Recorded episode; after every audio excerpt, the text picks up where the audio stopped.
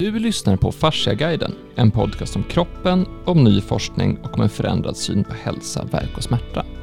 Jag heter Axel Bolin och är er programledare idag. Sitter här tillsammans med Per Johansson. Hej! Hej du! Och tillsammans med Hans Bolin. Tjena! Hej hej! Hej!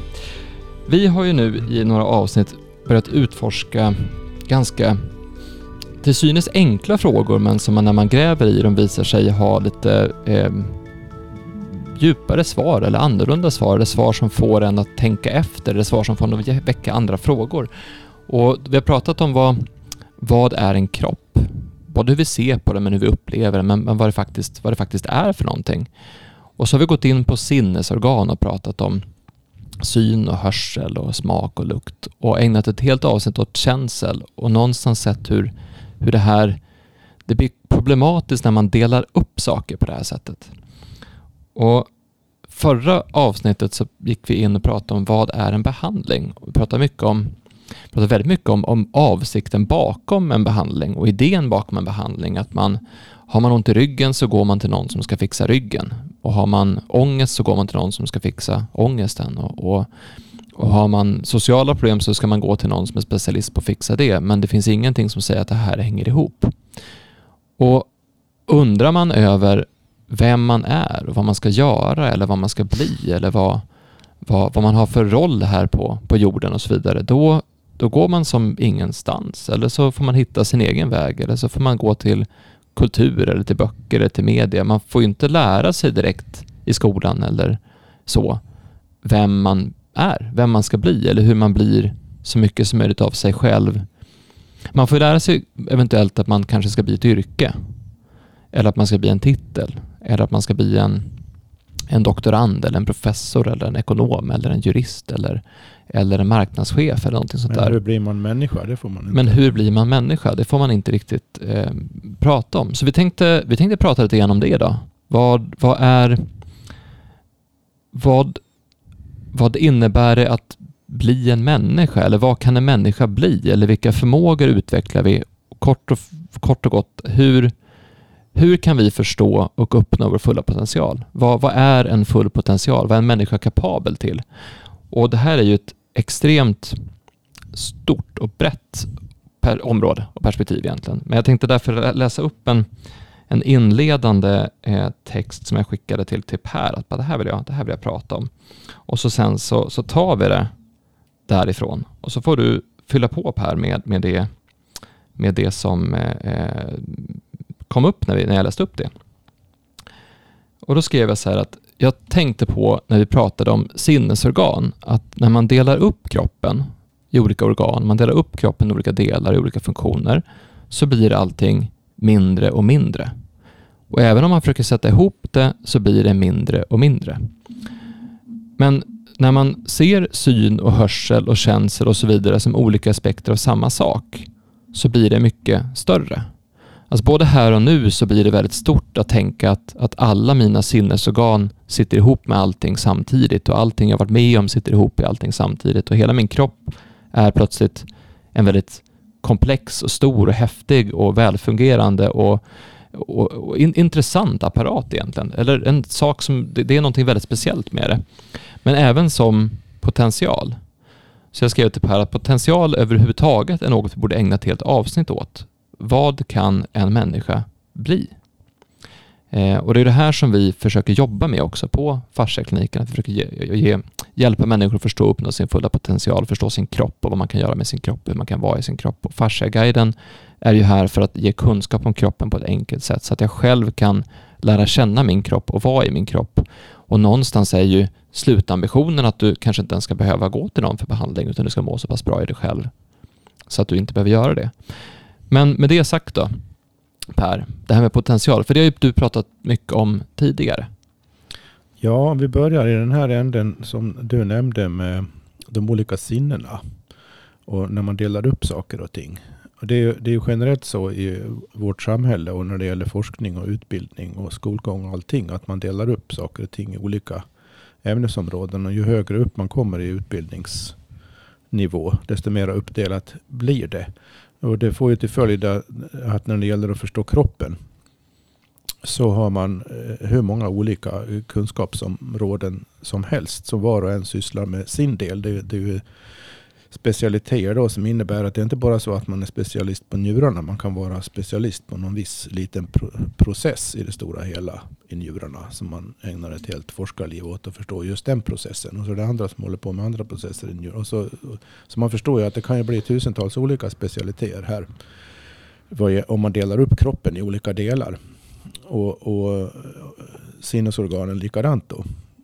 Och, och sinnesförnimmelser och, och så vidare. Då är det ju inte bara eh, fysiologiska saker som är relevanta utan det är all möjlig beteendeforskning och psykologisk forskning och kognitionsforskning och, och, allt vad det är för någonting. Så antalet discipliner som försöker förstå det vi kallar kroppen har ju multiplicerats kolossalt. Och det här är ju en följd av det som man brukar kalla den reduktionistiska metoden som går ut just på att man ska dela upp saker i, eh, i delar och sen när man har förstått alla delarna då ska man sätta ihop det till en hel, helhet. är liksom den filosofiska ideologin bakom det skulle man kunna säga. Svårigheten med det är ju att själva förfaringssättet innebär att man tappar greppet om helheten. Att man, att man egentligen inte ägnar särskilt mycket tid och, och tankemöda och energi åt och skapa sig en helhetsförståelse som är, adekvat, som är så stark och adekvat i förhållande till all den här detaljerade förståelsen så att man har någon nytta av den. Jag har ibland använt sinnebilden med ett, ett pussel här. Om man tänker sig ett pussel med 2000 bitar som man häller ut på bordet ur lådan det kommer i. Och, och i den där röra, alla bitarna. Och så den här specialiserade forskningen då leder till att man eh, har börjat sätta ihop vissa delar av det här pusslet. Man har kanske fått ihop ett hörn. Man har fått ihop lite grann snett nere till vänster. Man har kanske fått ihop några bitar i mitten och så vidare. Men eftersom man i verkligheten då utifrån det, den metodiken, utifrån det perspektivet inte har någon helhetsbild. Det finns så att säga ingen bild på kartongen som kan vägleda en i forskningen hur helheten egentligen ser ut och ska sättas ihop. Så att om man inte har någon helhetsutgångspunkt för hur delarna egentligen borde sättas ihop. Och det, då får man inte glömma då att delarna här är inte bara de här specialiserade forskningsresultaten utan det är också det mest fundamentala är egentligen själva förnimmelsen av att själv vara en helhet. Av att mina ögon, mina öron, min känsel, mina känslor, mina upplevelser, mina relationer. Allt det där är ju för mig delar av mig. Det går ju inte att dela upp det. Det är bara rent intellektuellt, tankemässigt man delar upp det. Så att om man inte har någon adekvat sådan inre förnimmelse, varseblivning av att det är att vara en person, av att existera som, som en, en individ bland andra i relation till andra. Om man inte har någon adekvat uppfattning om det så förstår inte jag hur man skulle kunna sätta ihop alla de här detaljkunskaperna till en helhet som skulle säga mig, kunna säga mig som den här helhetspersonen någonting annat än peka på det ena eller det andra. Som dessutom jag får till mig helt och hållet externt. För ingen av oss är ju specialist på allt det där. Mm. Så att oavsett vilken information man får om det så får man ju det utifrån. Det är ju ingenting som har någon intuitiv bäring på en själv nödvändigtvis. Det spelar ingen roll hur forskningsmässigt giltigt det är på något sätt. Mm. Så det, det, är, det är flera problem här. Det finns ingen, det finns ingen adekvat tillräckligt avancerat sätt att förhålla sig till helheter. Skulle jag säga i vår kultur.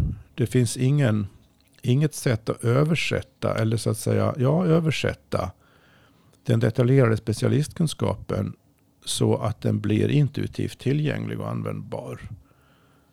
Särskilt lätt. Utan det blir en extern information bara. Det är också, som du påpekade inledningsvis, vi får inte själv heller lära oss hur man kan tänka, känna, reflektera över vad det är att leva som människa egentligen. Och vad, vad en människa kan bli som du uttryckte det. Mm. Så att och allt det här relaterar ju på ett eller annat sätt till poten, potential. Potentialen i, i den här specialiserade forskningen i och med att den resulterar i saker och ting som är externa i förhållande till vår personliga existens kan ju egentligen bara leda till, om man tänker på associerat till förra avsnittet, behandling. Den kan bara led, också leda till metoder och mediciner etc. som också tillförs utifrån. Mm. Det är, där, det är därför man, man, eh, hela farmakologiska industrin bygger ju på det. Mm. Att, att man har för, uppnått en detaljförståelse av, av någon eh, biokemisk eh, fysiologisk process i kroppen och som gör att man kan, man kan tillföra en substans som intervenerar i den processen och till exempel minskar smärta eller någonting. Mm. Eller har någon annan sådan effekt. Men det, det, är också någonting som man tillför utifrån och som inte har någon som helst relation till personen som tar den här medicinen. Det är den personens egen upplevelse av saker och ting. Och, och, och samma sak med terapier och liknande. Det är också, det är också utifrån. Även om, även om det kan fungera bättre i vissa avseenden beroende på terapeutens egna insikter då. Men överhuvudtaget att vända sig till experter är ju också det här externa. Mm. Så att hur man än vänder och vrider på sig, vare sig det handlar om psykologi, farmakologi, medicin, eh, sinnesorgansforskning, alltså man kan, göra en oändligt lång nästa, lista nästan på alla specialiteter som finns. Allt det, eller inget av det, säger mig någonting om hur ska jag leva, vad kan jag bli? Vad är det att vara människa? Och om man inte har någon adekvat uppfattning om det så vet man ju inte heller vilken plats alla de här sakerna egentligen har. Mm. I förhållande till själva levandet av livet. Mm. Så man kan säga att vi har egentligen byggt upp ett, ett system, ett tankesätt eller ett mönster som snarare handlar om att jag blir tillsagd vad jag kan bli och vad jag kan vara istället för att jag ska upptäcka det själv. Ja, om det är ont någonstans så blir det tillsagd att nu ska du ta den här medicinen så blir, blir det bra. Och det kan ju vara själslig smärta också. Ja, då, ska du, då, den här, då är det kanske KBT som passar. Det är också externt egentligen. Så även om det har en, en eh, det förutsätter att du, du internaliserar det på ett sätt. Men det, det, är ju på något sätt på en kognitiv tankenivå egentligen. Kanske i allt för hög grad och relaterar inte till, relaterar inte till eh, de här djupare känslomässiga sakerna i sammanhanget. Men att förstå sin fulla potential, som vi sa, det är ju ett sätt att förstå det. Det är ju att förstå, förstå vad fascia är för någonting. Att vi är, den, den, den är oändlig. Den går ifrån huden in till cellens kärna via alla organ, allting som finns. Egentligen har vi en, en, en struktur, en, byggs, en, bygg, en levande byggsats, en levande, levande vävnad som egentligen omsluter allt. Och som även är känslig för det som är utanför. Alltså farsan är ju känslig för stress. Den är känslig för saker som vi har svårt att säga vad det är för någonting. Jag var inne och tittade på, eftersom vi hade ju 2015 sa vi att vi ska försöka att förklara fascia på ett enkelt sätt. Visst var det så Axel? Att man ska förstå sin fulla potential. Och vi ska förstå det. Vi försöker berätta komplicerade saker. Så det är komplicerat när man tittar på forskningsrapporter för det är så otroligt fragmentariskt. Men hur kan man göra forskning enkelt? Och då satt jag och tittade på Fascia Research Society vad deras affärsidé och vision var för någonting. Eller vision, vad vill göra för någonting. De vänder sig till terapeuter och, och eh, läkare och experter att experter ska förstå saker och ting. Alltså de, de, är, de är specialister på sitt område. De ska hitta ett gemensamt sätt att se på saker och ting. Vilket i sig är fruktansvärt svårt. Så Neil T säger på en film som vi har, vad fascia är, när vi var Fascia Research Society 2018. Då säger han att bara om vi hittar ett annat perspektiv så kanske vi kommer sluta prata om österländskt och västerländskt. Utan vi kommer att prata om global hälsa och global medicin. Då förstår man ju perspektivet, hur svårt det är. Att hur, hur, hur låsta vi kan bli i att utifrån studera oss själva. Det är det som är så intressant med fascia. Det är det som är utmaningen, utmaningen den ställer. Ja. Även, äh, för, även forskningsmässigt om man är inne, inne, inne på det området. då att eftersom det är ett helhetsorgan. Så, så, så, även om man förstår alla detaljerna i vad det, som ingår i fascian och hur de förhåller sig till varandra på, på molekylnivå och, och, så vidare. Även om man förstår det så säger den kunskapen inget, i sig ingenting om hur man zoomar ut då. Ja, exakt. För att Det se blir- alltihopa. det blir- Det, det är precis det jag menar med den här pussel, pusselsinnebilden in, innan. Va? Att det finns ingenting i, i, i detaljförståelsen som hjälper en om hur man ska tänka när man zoomar ut. Så att man, för att vad som händer då är att man oundvikligen tappar bort detaljerna. Ja. Och om man tappar bort detaljerna, vad, vad är då helheten? Om man nu tänker sig att man ska sätta ihop helheten av Mm. detaljkunskapen och så zoomar man ut, då Mm. tappar man bort detaljerna. Mm. Men vad är helheten då? då?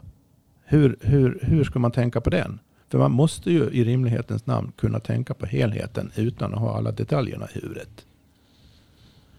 ja, exakt. Och det där menar att det blir... Och det kan vi, det är vi så dåliga på för att Nej, vi, då- av då- de det- skäl jag och har jag- nämnt. Då, Jo, det tror jag att det är det som är, jag tror att det är det som man kanske, att vi, eh, in, vi tränar till att inte se det. Alltså från, från tidigt stadium. Apropå potential så skulle jag då säga att de, de medel vi har för att bör, kunna lära oss att tänka på helheter, det är faktiskt det vi i vardagslag kallar intuition. Som vi inte tränar på alls. Intuition är någonting man liksom bara kommer över en på något sätt. Antingen har man eller har man det inte. Antingen får man eller får man det inte. Men det, finns, det är väldigt få som talar om att man skulle kunna så att säga utbilda sig, utveckla sig, kultivera sig i sin Mm. intuition. Mm. För att det är så vi uppfattar oss själva inifrån, intuitivt. Eh, vi känner direkt om det är någonting som inte är riktigt som det ska. Mm. Jag är spänd någonstans eller en oro någonstans. Och, och, och, eller eh, jag känner mig glad. Eller eh, jag kommer att tänka på någonting utan anledning och, och så vidare. Allt det där som sker hela tiden intuitivt. Men vi, vi har liksom ingen träning i att att urskilja hur de sakerna relaterar till varandra. Vilket egentligen är mycket tillgängligare och lättare. För att det kräver ingen särskilt intellektuell process. Det kräver bara att man blir varse det. Och, och, och, och funderar. Alltså inte intellektuellt tänker utan uppmärksammar och urskiljer förnimmelsemässigt samband av vad som händer med en, vad man är med om. Mm. Jag Och det där skulle, går att driva väldigt långt.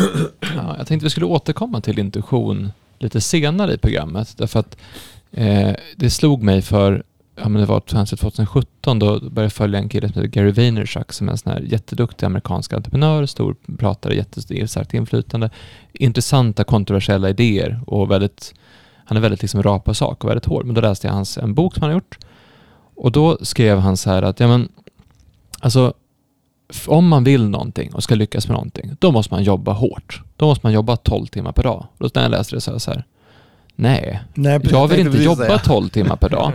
Och så sen så, så sa han så här, varför man måste göra det är det för att det, det, alltså, det finns inget sätt att, att konkretisera och träna upp och lära ut magkänsla och intuition. Och då sa jag så här, Jo. ja men det är där missen är. Exakt. Det är, där som, det är det som man inte har förstått, för det är ju någonting som vi har tränat upp under flera år. Men innan vi kommer in på det, för det, det finns en, en pedagogisk sväng jag ska göra här för att Mm, komma gärna. in på det ämnet. Eh, men innan vi kommer in på den ska jag säga Hans, för att du, 2015 så, så sa ju du att vi skulle göra det här, men, men att idén om att ge kunskap om kroppen på ett enkelt sätt, Mm. den är äldre. Den är från 2010 eller 2008. Den är mycket, mycket, mycket äldre än Fast Research Congress. Ja. Och varför, om du kortfattat berättar, varför har du alltid känt ett kall för att göra, ge kunskap om kroppen på ett enkelt sätt? Varför är det viktigt att det är på ett enkelt sätt? Därför det var så jag började. Eftersom jag kunde ingenting. Jag kunde ju inte ett smack. Jag började behandla utan att veta vad jag gjorde överhuvudtaget. Och då blir man ju... Då förstår man att det finns något annat än... Och du fick resultat? Ja, enormt bra resultat. Det finns något annat än teoretisk kunskap utan det finns förnimmelse och det finns förmåga att förstå. Och den är inte, den går inte att tänka. Du måste, du, du, måste, du, måste, du måste ta det som kommer. Och sen var ju det så, och sen är det så mäktigt att se hur mycket fort vissa saker kan hända. Alltså riktigt fort. Ehm, och hur, hur den personen som finns genom att bara ändra eh, ändras egentligen struktur och färg i kroppen. Alltså, ehm, känslor är egentligen färger.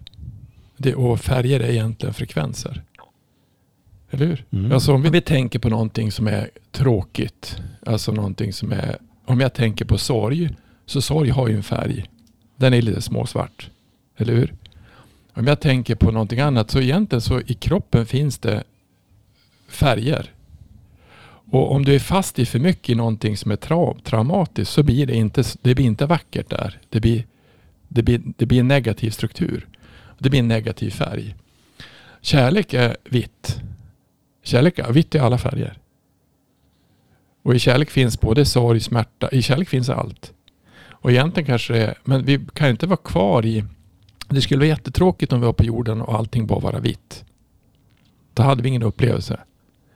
Utan kroppen vill nog uppleva, det här är ju väldigt, väldigt flummigt, men, men egentligen kroppen vill nog uppleva alla frekvenser som finns. Som jag är här och har unik DNA. Jag är en unik varelse.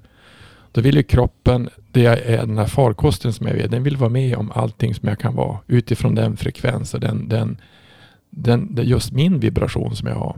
Eller hur? Borde ju vara så. Men då vill man inte fastna i någonting som är en upplevelse, en känsla. Utan då vill man ju se alla möjliga olika saker som finns. Som jag säger att om, om vi säger att om du tar det du sa nu att, att, eh, att du måste jobba 12 timmar om dagen. Eh, det är ju att kämpa. Och det kanske är intressant att testa kämpa. För att det är en intressant upplevelse. Men kämpa lever, kämpa, du kan inte kämpa dig till kärlek. Du kan inte kämpa dig till inspiration. Du kan inte kämpa dig till din enkla väg att gå. Utan din enkla väg att gå, det är egentligen att följa, att inte synda, att, för, att gå i, i, i det som är, att inte missa målet, utan gå i den riktning som du ska gå. Och den riktningen är förmodligen mycket mera enkel att gå om man, om man förstår hur man ska gå den. För den kommer alltid kännas rätt. Som han sa till mig, eh, min, en kompis med att fråga hur han kunde tänka så jävla fort. Så man känner först och tänker sen. Mm. Och känner man först och tänker sen så kommer man nästan alltid att göra rätt beslut. Och om man inte känner efter tre gånger. Utan första, det går alltid fort. Alltså känslan går fort. Den tar, den tar, Som regel den första förnimmelsen. Man, den, den, är alltid rätt. Sen börjar man intellektisera den och då blir det jätterörigt. Ja, man försöker hitta man, man har den där omedelbara förnimmelsen och sen försöker man tänka ut varför man har den förnimmelsen. Och då kommer man på det som är aktuellt för tillfället. Exakt. Och det är inte alls säkert att det har någonting med det att göra. Nej. Och därför blir, det, därför, blir, därför blir det svåra egentligen som är det att, att eh, vi tror ju inte att, alltså om vi säger så att jag har ju varit med många gånger när man, när man ska göra saker och ting, att jag kan inte. Om jag säger att jag kan inte, då går det faktiskt inte. Alltså om du säger att det går inte så kommer det inte gå. Men om jag säger att det går och jag tror att det går och jag hoppas att det går och jag ber att det går.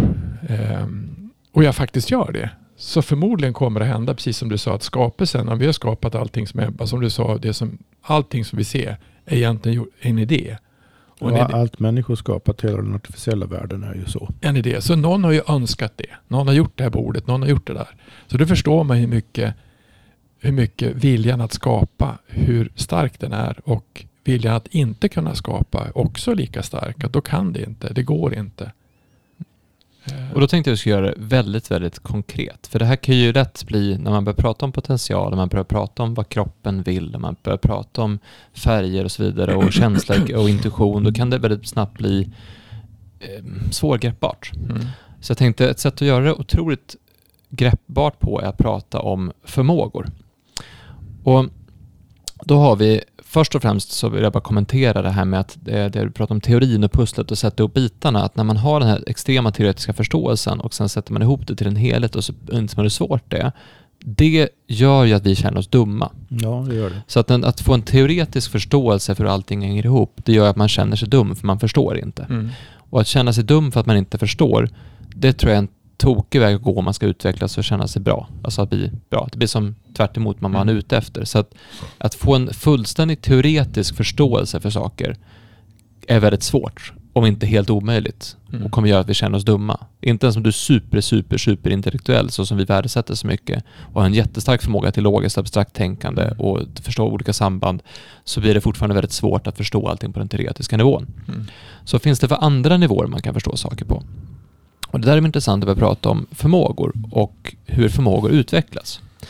Och då har vi någonting som, som du har pratat mycket om förut Per, som heter erfarenhetsbaserad kunskap. Och ett konkret exempel på det är att vi har ett recept på en maträtt och vi har jättebra råvaror. Och så ger vi eh, de här, det här receptet och de här råvarorna och de här verktygen till fyra olika personer som har olika förmåga att kunna laga mat. Så att du har någon som knappt kan laga mat överhuvudtaget. Du har någon som är en okej okay matlagare, du har någon som är en sån här semi-amatörkock och så har du någon som är en riktig mästerkock. De kommer göra fyra helt olika maträtter baserat på samma recept, baserat på samma råvaror, samma verktyg. Och det här kan vi förstå, att vissa kan, vissa är mycket bättre på att laga mat än andra. Och hur blev de här bra på att laga mat? Ja, då brukar man säga att övning ger färdighet, eller hur? Så att ju mer, om jag ska bli bra på att laga mat, då måste jag först och främst bli bra på hantverket, alltså att hacka saker, att göra saker. Jag måste också bli bra på multitasking, att jag ska ha flera processer igång. Jag måste bli bra på att strukturera mitt jobb i hur jag lagar mat. Att jag ska ha min mise en place, alltså jag förbereder mat, det jag ska ha in innan, jag ska ha ett rent och snyggt kök, jag måste kunna diska undan samtidigt som jag steker, jag måste kunna ha koll på flera, ibland tio olika saker som ska vara igång samtidigt och jag måste kunna tajma in det på ett bra sätt. Så jag måste vara bra på någon form av projektledning också. Men jag måste också förstå teoretiskt hur smaker hänger ihop. Alltså att om jag gör så här med en, med en, eh, med en paj i en ugn så kommer den att få den här effekten. Om jag har för varmt här så kommer det att hända. Samtidigt måste jag också ha en, en erfarenhet av smak. Hur ska det smaka? Jag måste känna hur det här ska vara. Jag måste känna lukt. Sen om det ska vara riktigt bra så ska det även presenteras så att ögat får sitt, eftersom att man äter med ögat. Så att det är väldigt många komponenter i att vara en riktigt duktig kock. Och de här kommer ju av att du har gjort någonting, du har tränat upp den här förmågan väldigt, väldigt länge. Och förmågan ryms inte i en teori. Det ryms inte i en praktik. Det handlar inte om att hacka någonting, utan det handlar om alltihopa samtidigt. Och när man säger det så, så blir det, ja men vänta, det är, det är ganska självklart. Det är precis, det där var ett väldigt utförligt bra exempel på vad jag menar när jag sa att i vår egen upplevelse av, av, vad vi gör, då menar ju inte jag att man bara sitter i soffan och försöker känna efter hur man är. Utan det inkluderar ju i synnerhet eh, saker man gör. Och, och, din beskrivning här nu fångar ju det här att för den personen under hela processens gång, även när man inte är så erfarenhet, erfaren och så blir man mer och mer erfaren. Under hela den processen så är man ju, deltar ju man, hela en själv deltar ju i det. Det är det jag menar att man har en helhetskapacitet i sig. och det finns olika vägar att gå här. För ett annat exempel som är lite så, det är, man kan ju ha talang till exempel. Mm. Och då har vi, vi har just sett, vi är nu inne i slutfasen av en väldigt intressant epok i fotbollshistorien här. Därför att vi har Lionel Messi och Cristiano Ronaldo som är de två kanske bästa fotbollsspelarna som någonsin existerat. Eh, och helt sjuka resultat i en helt sjuk konkurrens med mm. där fotbollen har blivit snabbare och bättre och mer tekniskt krävande. Men med två helt olika approach till hur de har blivit så pass bra. För den ena då som är den klassiska talangen, Leo Messi. Han är en extrem talang, han är extremt begåvad på det han håller på med. Så att han har verkligen blivit riktigt, riktigt bra på att maximera sin talang. Och då har man en tydlig bild av vad en talang är. Ja, men han springer fort och han har bollkontroll och han, han har det här att han tar väldigt många steg, han tar fler steg än andra, så alltså det kanske är medfött och han har haft det sedan han var liten och man pratar om att han, är, han är väldigt, väldigt bra på det och han är snabb i vändningarna och han har det här och det här. Mm. Och då när man fokuserar på att han har en så duktig talang så glömmer man bort också att ja, men, han också spenderat väldigt många timmar på att träna frisparkar. Han har spenderat väldigt mycket tid på att förstå spelmönster. Han har utvecklat sin förmåga att tänka var han ska vara på en fotbollsplan. Så han har ju även tränat och tränat och tränat och tränat på att förstå spelet bättre, förstå sin kropp bättre, mm. för att förstå medspelarna bättre. Men det pratar man inte så mycket om, utan man pratar också om, oftast om att han har en så otrolig talang. Och så har vi den andra karaktären då, Cristiano Ronaldo, som hade en stor talang, absolut. Men som framförallt är ett fysiskt monster, ett fysiskt praktexemplar som har, han gjorde tio, alltså tusen stycken situps per dag och verkligen byggde upp sin kropp på ett helt sjukt sätt och var jättenoga på att undersöka mängden kroppsfett och han har tränat hur han ska hoppa och få bättre spänst. Han gjorde en sån här övning som jag såg för tio år sedan. Det var så tested to the limits. Då visade det hur han, han eh, sprang snabbare än de flesta eh, 100-meterslöparna, eh, förutom de som var riktigt, riktigt bra. Men framförallt så var han snabbare i vändningar än alla de här tillsammans. Och han hoppade lika högt som en basketspelare. Och han, alltså det var helt sjukt hur han hade optimerat sin fysiska kropp för att kunna spela fotboll. Men även förmågan av var man är någonstans. Så de, de släckte ner rummet. Han kunde fortfarande nicka in bollen i mål när, när det slogs ett inlägg. Så han kunde se där, när den här personen, hur personen träffade bollen där borta så kunde han se var den skulle landa och därmed nicka in den. Vilket är helt sjukt hur man kan utveckla en sån kompetens. Mm. Och det här, det här kan vi förstå. Det här kan vi se. Det här kan vi imponeras av. Mm. Och så tänker man sig, ja, det krävs ju 10 000 timmar för att bli riktigt bra på någonting, säger man. Mm. Och så, så man kan träna upp en talang. Men varför skulle det inte gälla alla typer av talanger? Och det här jag tror att vi har liksom fastnat i en idé där vi delar upp det. Att Ronaldo, han har utvecklat sin kropp och Messi har utvecklat sin talang. Men de har ju utvecklat väldigt, väldigt mycket andra saker också som man inte tänker på. Mm. Och det här blir intressant för oss, för vi, vi har ju nu, eh, imorgon startar en, en ny vända av vår utbildning som vi gjort. Och så pratade jag med han som var kurslärare förra helgen. Och vi har nu, vi har kortat ner utbildningen från nio månader till 15 veckor. Vi har lagt all teori digital och därmed kortat ner den effektiva tiden som det är att gå igenom en föreläsning. För den digitala föreläsningen går mycket snabbare än den, den fysiska. Och så har vi tre helger med bara praktik. Så den, är, den är kortare, mer intensiv, men Och- mycket, mycket mer fokuserad. Och bättre. Och den är bättre. Ja. Alltså de skriver bättre på pr- provresultaten. De får Och de bättre känner resultat. mer. De känner mer. Och det är så intressant. Alltså hur kan... För man tror att det tar tid att lära sig saker. Men med rätt typ av fokus så kan man lära sig lika mycket Det men snabbare. det är, där är också på något sätt en frukt av den här kvantitativa synsättet som följer Mm. med specialiseringen och uppdelningen och alltihopa. För att man delar upp saker tidsmässigt. Man, man tänker i termer av hur lång tid tar saker och ting och så vidare. Och det man glömmer bort i alla de här fallen, vare sig det handlar om helhetssyn eller hur lång tid det tar eller det, det är ju de, för att använda en allmän term, de kvalitativa sidan av vad man Mm. håller på med. Och kvalitet urskiljer man inte intellektuellt. Kvalitet urskiljer man just intuitivt, Mm. förnimmelsemässigt. Och vi alla gör det utan att tänka på det att vi urskiljer kvalitet. Och det, det, man, det, det var ju det, till exempel den här mest kocken du berättade om innan. Och de här fotbollsspelarna. Det som, det som har gjort, tagit dem dit de är, skulle jag våga påstå faktiskt, i varje enskilt fall. Det är deras urskiljning när det gäller kvaliteten i vad de håller på med. Mm. Sen, har, sen är det beroende på vilken person man är och vilka talanger man har och vilka intressen man har och även beroende på en massa faktorer i omgivningen så kommer varje enskild resa att vara speciell. Men varje enskild resa kommer också egentligen i grund och botten att handla om en enda sak och det är att uppnå högsta möjliga kvalitet. Mm. Och, högst, och kvalitet, relativt, finns inget självklart eller givet samband mellan kvalitet och hur lång tid någonting tar. Mm. Och det är intressant med, med båda de här fotbollsspelarna då, apropå kvalitet. Eh, för jag hörde en lång, det var nio timmars podcast om Lionel Messi. Ja, det var, det var, det var jätteintressant. Eh, Men då, då var det i alla fall, för det som han har utvecklat med åren är att han tar färre och färre löpningar. Utan han ser till att vara på rätt ställe vid rätt tidpunkt.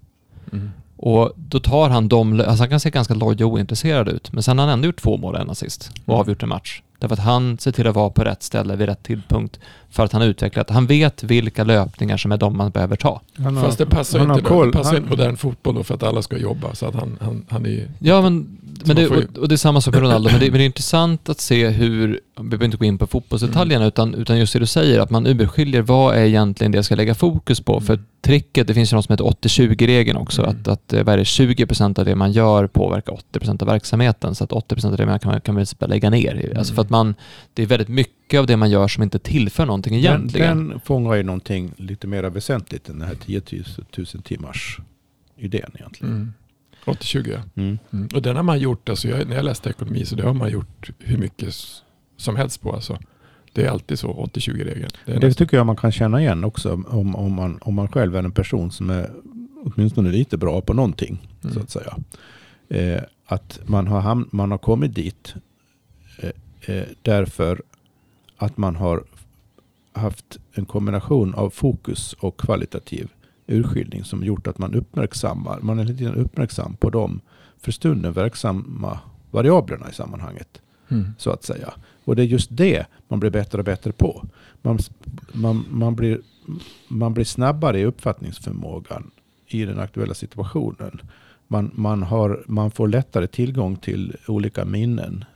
Eh, vare sig det är kroppsliga minnen eller Mm.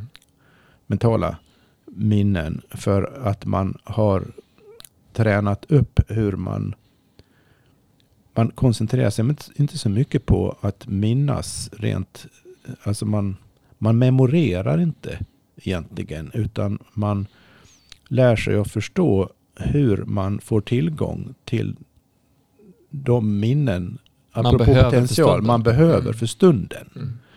Så, att- och, och ingenting av det där går ju att förklara som Mm. en metod eller intellektuellt eller överföra till någon annan. Utan det är ju, det är ju liksom, så för alla som har blivit bra på någonting så finns det en motsvarighet till de här fotbollsspelarna, till den här kocken. Mm. Det, det, det är det är, en koncentrationsprocess som innebär att, att allting går, igen, det går fortare och lättare att göra mer avancerade saker. Mm. Just för att man hela tiden är fokuserad på kvali kvalitet i förhållande till omständigheterna för stunden. Men att Apropå, förstå- ingre apropå ingredienserna i matlagningen Mhm. till exempel. Givet de och de ingredienserna, jo men då, då kan jag göra den här supergoda rätten på en kvart. Medan det för en okunnig person skulle liksom ta en och en halv timme att fundera ut innan den skulle börja. Mm. Men alltså på, apropå på samma sak, men om du tar, eh, jag satt och slog på ordet näring. Vad är näring för någonting? Då säger vi att näring är ju, det är någon, någon typ av kost. Men näring är också information. Näring är energi. Så vilken näring gör mig, alltså vilken, vad gör mig bra? Vad gör, mig, vad gör min kropp i harmoni? Eh, det har man ju ganska mycket i ayurveda har man ju mycket sånt. Alltså vilken typ av kroppstyp är du? Vad passar du till att äta? Vad har du för nervsystem? Eh, samma sätt är det ju kanske med, med, eh, med vilken information ska du ha? Alltså vilken, vilken typ av vad ska du ta in för näring? Vad ska du ta in för någonting runt omkring dig? Har en kompis med länge, han är en äldre gubbe. Han säger så att han lyssnar aldrig på nyheterna för det är bara dåliga nyheter.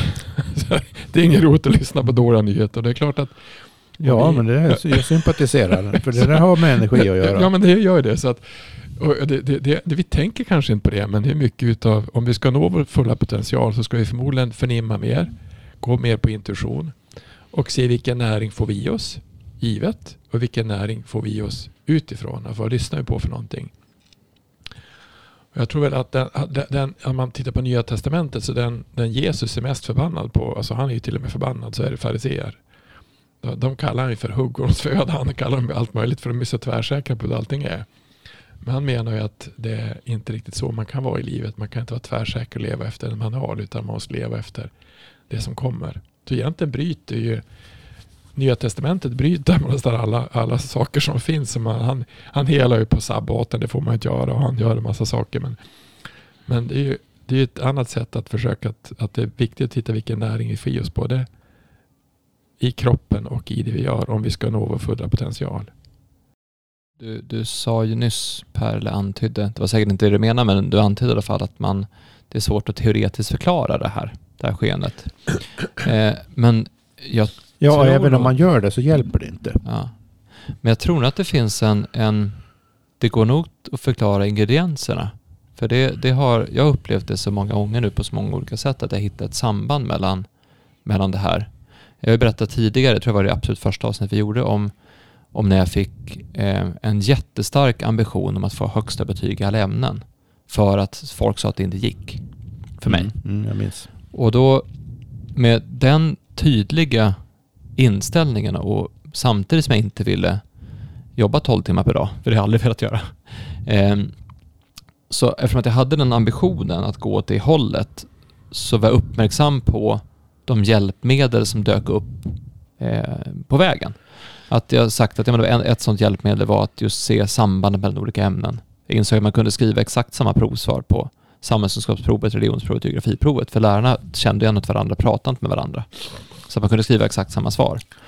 Det där Eh. säger ju på ett sätt mer om skolsystemet än om dig. Exakt. Men, men, det, men det var ju en, en, en sak man kunde göra. Men det var, ju, det var ju helt smart i situationen så att säga. Jag upptäckte att man kunde, alltså om man, om man var, om man hitt, om man kunde se det positiva hos en lärare, alltså se deras ambition och, och kall och dröm och varför, att se, se det fina i dem istället för det negativa i dem som alla mina kompisar gjorde, så fick man en annan, annan respekt för dem och får man respekt för dem så kan man lära sig av dem. Mm. Och dessutom tycker de att man, det är skönt att du har i alla fall någon som inte liksom sätter armarna i kors och ser sur, utan någon som faktiskt, faktiskt ser det lite var trevlig ut. ju genuint klokt. Ja. Eh, och sen så lite olika knep och sånt som kom, kom med tiden eller kom med vägen. Och det där, det där har jag märkt tidigare att, att vill, har man en vilja, en ambition att gå åt ett håll och ju mer, ju, ju, eh, ju renare avsikten är bakom det. Om jag vill, vill, vill bygga upp någonting som hjälper människor, jag vill, jag vill vara en positiv effekt i den här världen runt omkring mig, då dyker det upp människor och saker och vägar som gör att det här, det här eh, att det blir lättare att bli, att det blir lättare att bli verklighet av det. Om jag är dels öppen för att se det när det kommer, men också ödmjuk för att det kanske inte är som jag trodde att det skulle vara. Men också ha bra inre koll på vad det är egentligen, vilken riktning du själv vill gå i. Ja men precis, och där har du den här intuitionsbiten i det också. Det vi har tränat på mycket, jag och Hans under åren, är att försöka känna i kroppen när något är rätt. Att om jag pratar om någonting som är åt på rätt håll, då får jag rysningar. Varför får man rysningar? Alltså det, om man tänker så här, rysningar brukar man få när man blir berörd av någonting, eller när någonting känns storslaget, eller episkt, eller häftigt, eller bra, eller man är på en konsert, eller man är kär, eller man är... Alltså rysningar kommer oftast när någonting Det Är bra. Det, det är ett tecken på samklang med någonting. Så tänk om det är så att kroppen faktiskt skickar signaler till dig Mm. om vad du ska göra och inte ska göra. Mm. Så, är det. Så jag, tror, det. ja, så jag tror jag berättat förut också om att, att om man lägger, lägger två stycken alternativ i handen, en, en i höger hand och en i vänster hand och så försöker man lita på att kroppen vet vad den håller på med och så sen Mm. lyssnar man vilken väg ska jag gå och så väljer den den eller den. Mm. Och vi gjorde det här Hans, att vi tog i olika saker Mm. och så såg vi vilken riktning, vad var det som drog, vad, vad, drog, oss, vad drog sig till oss och vad drogs ifrån oss? Det som drar sig till det är förmodligen det vi behöver just nu. Så man tränar på att, att lyssna på att kroppen faktiskt gör någonting. Och det här är ju en färdighet på samma sätt som att träna upp sin kropp för att bli bra på fotboll. Mm. För det är det jag vill komma till med poängen, att, att allt det här är färdigheter man kan träna upp. Och det är där som vi i vårt samhälle kanske har glömt att, eller struntat i, eller lyft bort, eller plockat bort just den här typen av färdigheter. Det är just, det är just allt det där, allt det där, allt du har sagt nu relaterar till vad jag menar och efterlyser när det gäller helhetssyn. Det är de faktorerna Mm. det rör sig om. Och de odlas då inte alls under, under vår skolgång, utbildningssystem, uppväxt, relaterande till varandra, Mm. media. Det odlas överhuvudtaget inte på någon nivå som ens kommer i närheten av den rent intellektuella nivån på forskning till exempel. För den är ju just rent intellektuell. Och det Mm. finns inget sätt att liksom... När, när nu då den här färdighetsnivån, intuitionsnivån, förnimmelsenivån är så svagt utvecklad. Den kan ju... Den kan ju liksom inte... Den kan inte svara an mot mera avancerade intellektuella föreställningar heller. Och avancerade intellektuella föreställningar kan inte svara an mot den här andra icke-intellektuella nivån som är den mest grundläggande och basala i livet överhuvudtaget oavsett hur man vänder och vrider sig. Den, kan, den intellektuella sidan kan inte relatera till det för att det finns inget sätt på den intellektuella kanten att tala om, förstå, begreppsliggöra det. Så, så att det, det, det är liksom någon sorts eh, ömsesidig afasi här. Det är ju Mm. svårt att ha debatt om känslor eller, eller förnimmelser. Eller, jag, jag känner att det är så här nu. Det är svårt att ha en debatt om det till exempel. Och Ja, debatt är ja. något vi värdesätter för kunskapsutövning. Det är svårt, att, Ja. det är svårt att faktagranska min känsla för vad som är rätt eller fel i den här stunden. Nej, det, man hör ju direkt egentligen att det blir, det blir ju av nödvändighet fullständigt inadekvat. Men jag tror att det är någonting som, som jag verkligen vill trycka på mycket. Och det är att det inte är någonting som, precis som alla förmågor så är det inte någonting som bara, bara kommer. Det som jag tror, det som jag tror är fördelen med den här, den här intuitionen och att, att vända saker till någonting positivt, att se möjligheterna i saker. Jag tror att det, det faller oss väldigt naturligt. Men det är inte så att vi, vi är så tränade att inte lyssna på det så att det är svårt att våga lita på det fullt ut. Om vi tar en sån sak som, som jag fick träna på mycket när jag var yngre. Det var min, min far gav mig en bok när jag var 14 och så sa han så här. Eh, I den här boken ska du skriva upp tre saker som var roliga idag och en sak du har lärt dig. Eh, måste jag pappa? Ja men gör det här nu. Det, det, det kan vara jättekul. Jaha, jag gör ju ofta som min pappa säger. På ett, fast inte som man tror, men, men ungefär som så. Och det är väldigt intressant att träna på att lägga märke till saker som är roliga. Det, här var, det, det var en rolig dag idag, för jag lärde mig de här tre, de här tre sakerna med som var kul. Aha, och jag lärde mig det här.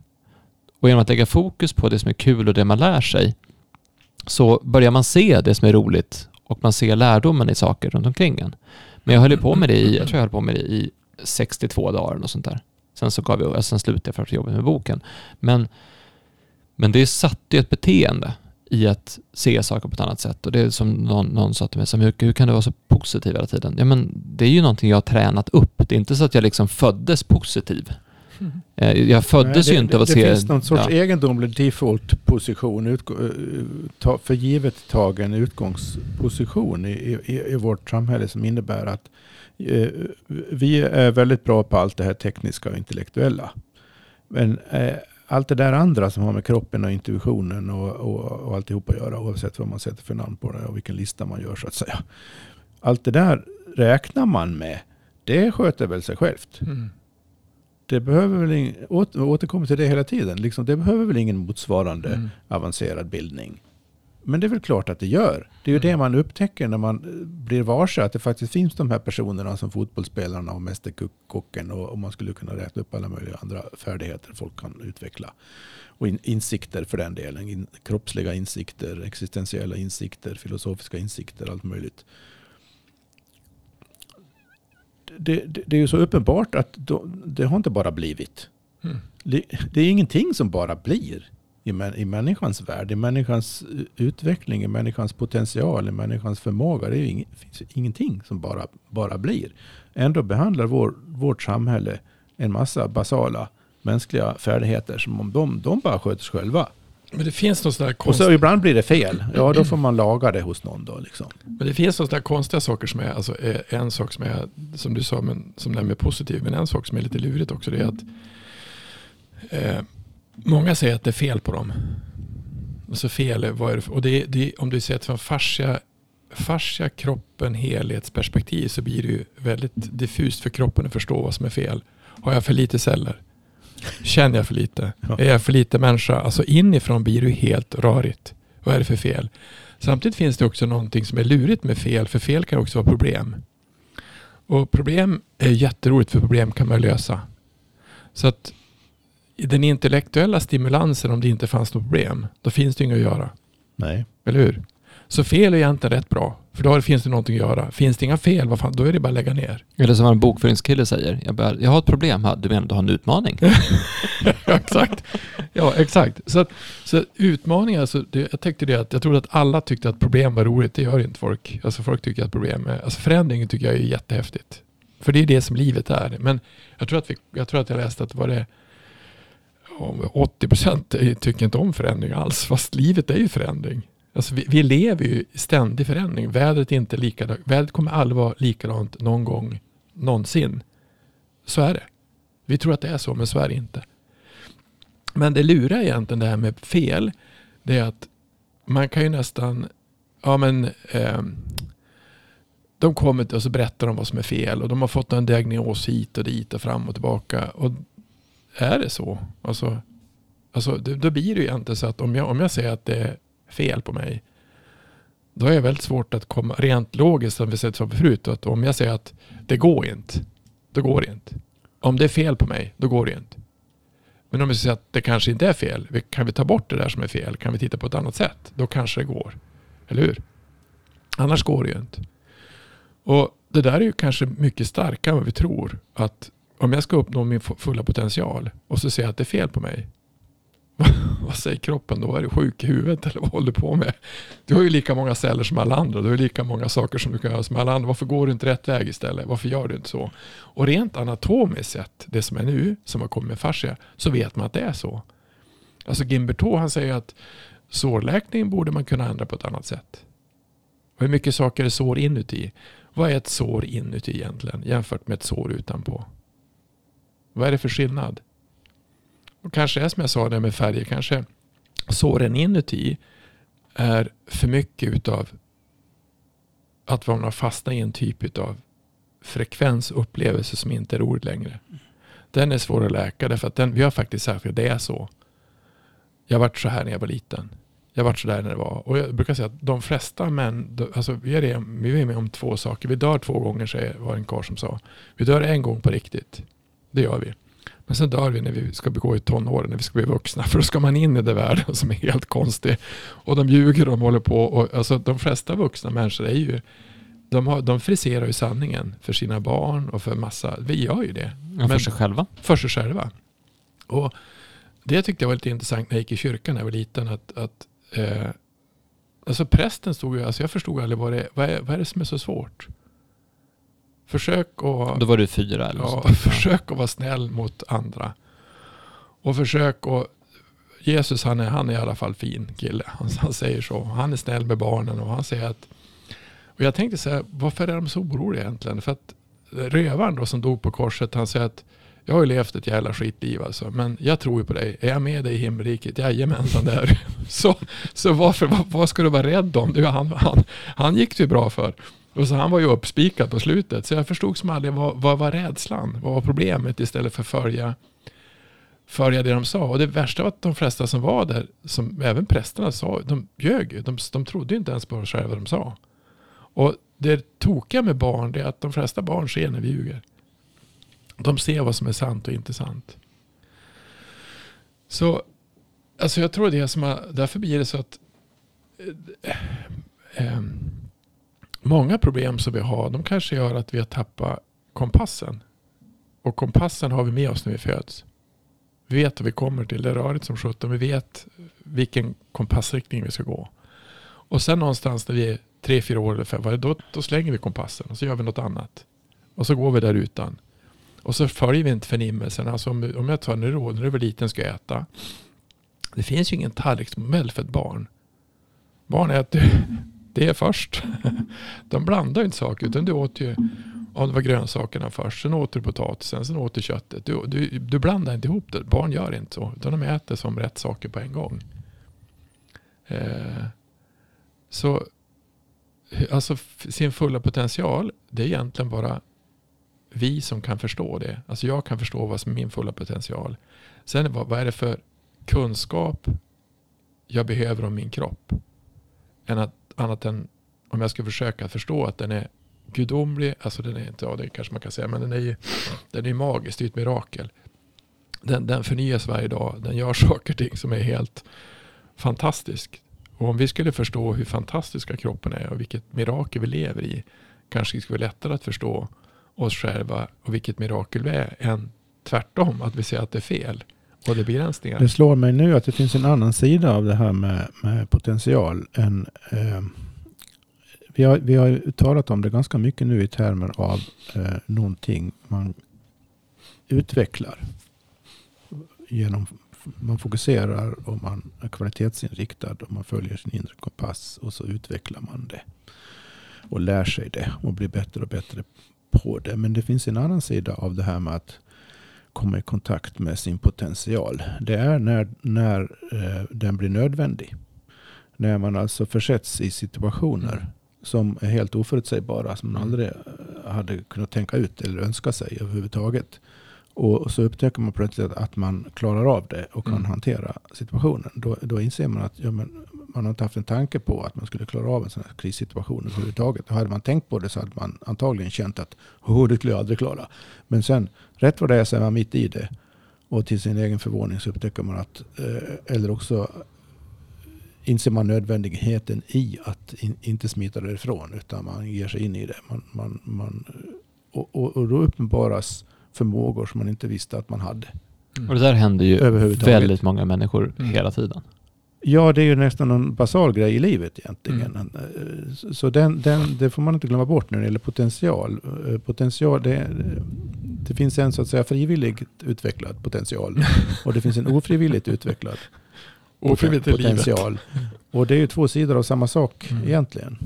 Men det är därför jag, jag, jag tror någonstans, jag är inte helt säker på att jag tror det här till 100%, fast jag tror ändå att jag tror det till 100%. Att jag tror att det handlar mycket om att återupptäcka det man egentligen är, snarare än att, att och, och att se till att vara det mer ofta, än det är att bli någonting som man inte var.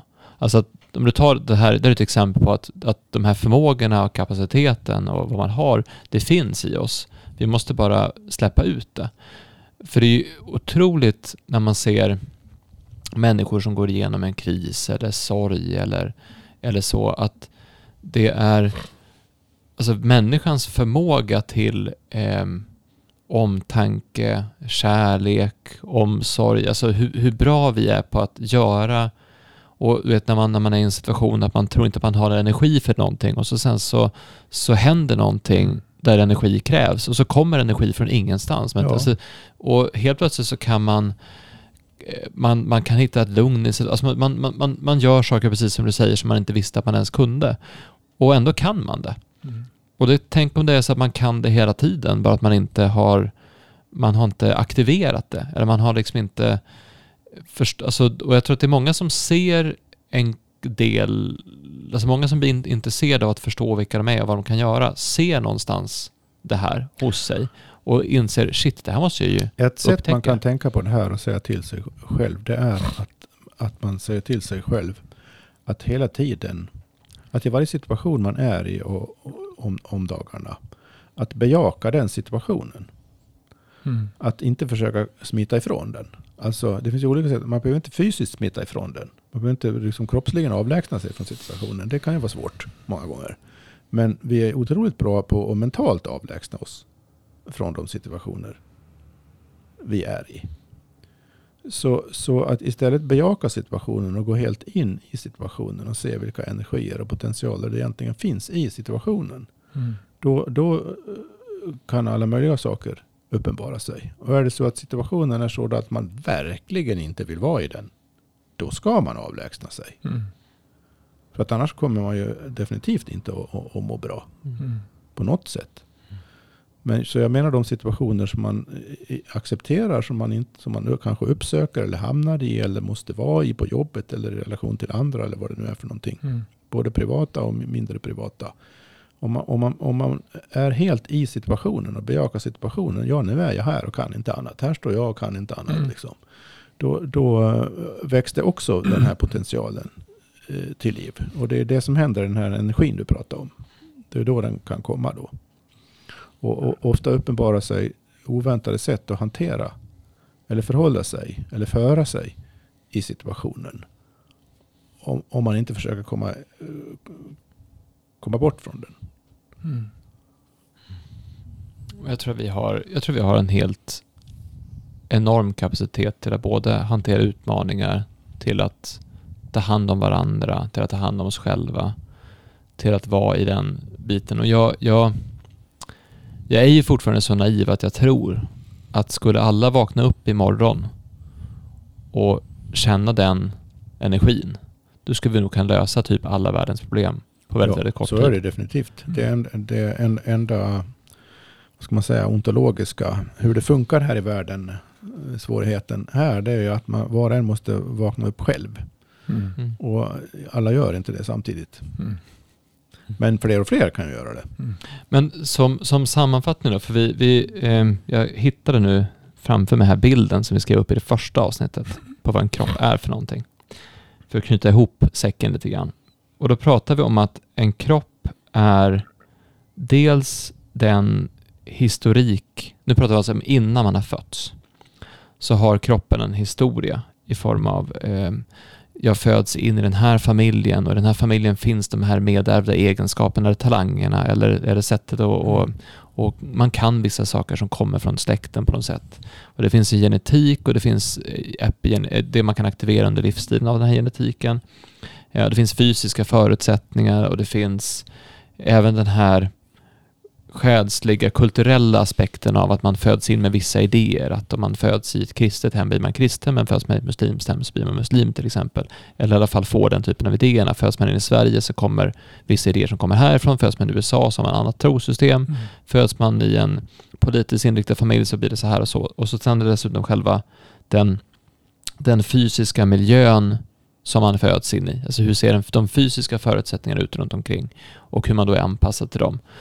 Och så någonstans i det här så har man det som händer sen då, att man utsätts för en massa olika typer av störningar och tryck. Och störningar kan vara allt ifrån från luftföroreningar till eh, idéer till eh, eh, skolan till eh, hur man upplever olika typer av saker. Att det här, den här saken upplever jag som stressfull medan du upplever den som lugn. Eller saker man lär sig under vägen och tryck i form av, av det man äter och tänker och faller. Så vi har pratat mycket om det i massa olika avsnitt. Och någonstans i det här så landar vi att, att flyttar man in i kroppen eller är, vem är jag i det här? Alltså är det så att jag landar i min kropp? Och då kommer vi fram till att det är ganska mycket som tyder på att det kanske är så att man faktiskt landar i kroppen. Men där någonstans så pratar vi också om, om passion och att det är någonting som finns där. Och vi pratade om, om min bror Ivar som redan när han var tre år gammal visade tecken på att han var ämnad att göra det han gör idag. För han jobbar med att, att pusha folk och hjälpa folk att göra det de brinner för. Och han sa det när han var tre år till min mamma så här att det passar inte dig att vara arg. Du ska inte vara arg. Mm. Och det är ganska kul att en treåring säger så. Mm. Och du Hans, du berättar om att när du var fyra år gammal så sa du så här, men varför står de och ljuger för? Mm. Och det har pushat dig till att drivas åt olika håll och se olika saker så där. Så att vill man hitta, för det, det, det, när jag var, när du, du och jag började jobba ihop så snubblade jag över en, en kille som heter Simon Sinek som har skrivit en bok som heter Start with Why. Mm. Då hade han studerat massa... Vi träffade ja, vi träffade honom också och lyssnat på en längre föreläsning av också. Och han, han studerade just organisationer som har gjort, alltså fått märkligt, alltså proportionerligt märkliga genomslag i olika sektorer. Eh, och alla möjliga, dels vet du, Civil Rights Movement, hur de lyckades samla alla människor utan att man skickade ut inbjudningar eller, eller Alltså utan kalenderinbjudningar, påminnelser eller någonting så lyckades man samla 250 000 pers på ett ställe, rätt dag, rätt tid och få starta en rörelse kring det. Han pratade om, om företag som, som ins, med personal som inspireras att nästan brinna för företaget på ett sånt sätt att de, att de, gör, de jobbar med sina hjärtan för att bygga upp det här. Och då hade han en kurs i hur man hittar sitt varför och tänkte att här ska jag gå och hitta mitt varför. Och det var ju det var inte helt lätt för då blir det en intellektuell process av det hela. Att Man ska intellektuellt förstå vem man är och vad man har för kall. Men det jag tar med mig från den var att någonstans i ens förflutna så har det funnits tecken av vad man egentligen... Det handlar inte om att skapa sig en idé om vad man ska göra, vem man är, utan det handlar om att återupptäcka det. För det har funnits tecken under hela livet på det här. Det har funnits tecken i hur man reagerar på saker som har visat vad, en, vad, vad riktningen skulle kunna vara. Och då genom att testa och gå åt ett håll så ser man ju det där var rätt eller det där var fel. Och det är det som jag tror är, är hindret ibland för att förstå och uppnå sin fulla potential. Att man tänker att man ska tänka ut det och sen ska tanken vara klar och sen så ska man bara ha, ha alla svar och sen gå. Utan det är snarare något man ska det där uppleva. Det där följer ju vår liksom metodinriktade kultur kan man, kan man säga. Man utvecklar en metod och när metoden är klar och då följer man den och då blir det bra. Uh, och det är ju ett sätt, att, en sorts intellektuell aktivitet. Men uh, man ska inte glömma att uh, det finns en helt nödvändig intellektuell komponent i alltihop det här också. Det handlar ju om vad, vad man låter intellektet fokusera på. Mm. Om intellektet funger, fokuserar på intuition. Mm då blir det ju mycket kraftfullare än om man bara går på en helt oskolad och intellektuell intuition och bara liksom följer sina känsloförnimmelser hela tiden utan att ha någon tanke på, på någonting mm. och inte relaterar det till någonting annat och inte försöker förstå och inte försöker sätta ord på det eller någonting. Då, då, då, finns det ju en gräns för hur långt man kan komma så att säga. Men jag tror, Men, jag så, tror... så inte, man får inte, bara för att någonting är intellektuellt betyder inte att det går emot kroppen eller, eller känslorna. Eller, utan det har, har att göra med hur man begagnar intellektet i förhållande Mm. till vad? Och vad man låter intellektet prioritera och så vidare. Jag tror att en sak som jag slog mig nu när jag hörde det där som du sa. Som, som det är ju att en, en, alltså en, en drivkraft för att, vara, för att vara det är att vara rebell. Alltså du, gjorde ju, du ville ha hö- högsta betyg för att du gick emot. Eh, Jag tror att många har gått emot. Alltså ska, du vara, ska du vara fri och ska du vara din egen potential så måste du vara kanske lite rebellisk. Eller framförallt att gå din egen väg. Ja, och den blir ju rebellisk. Den blir emot. Ja, det är i vissa situationer Blir nog. oundvikligen Ja. det. Man måste säga nej helt enkelt Mm. till saker och ting också. Mm.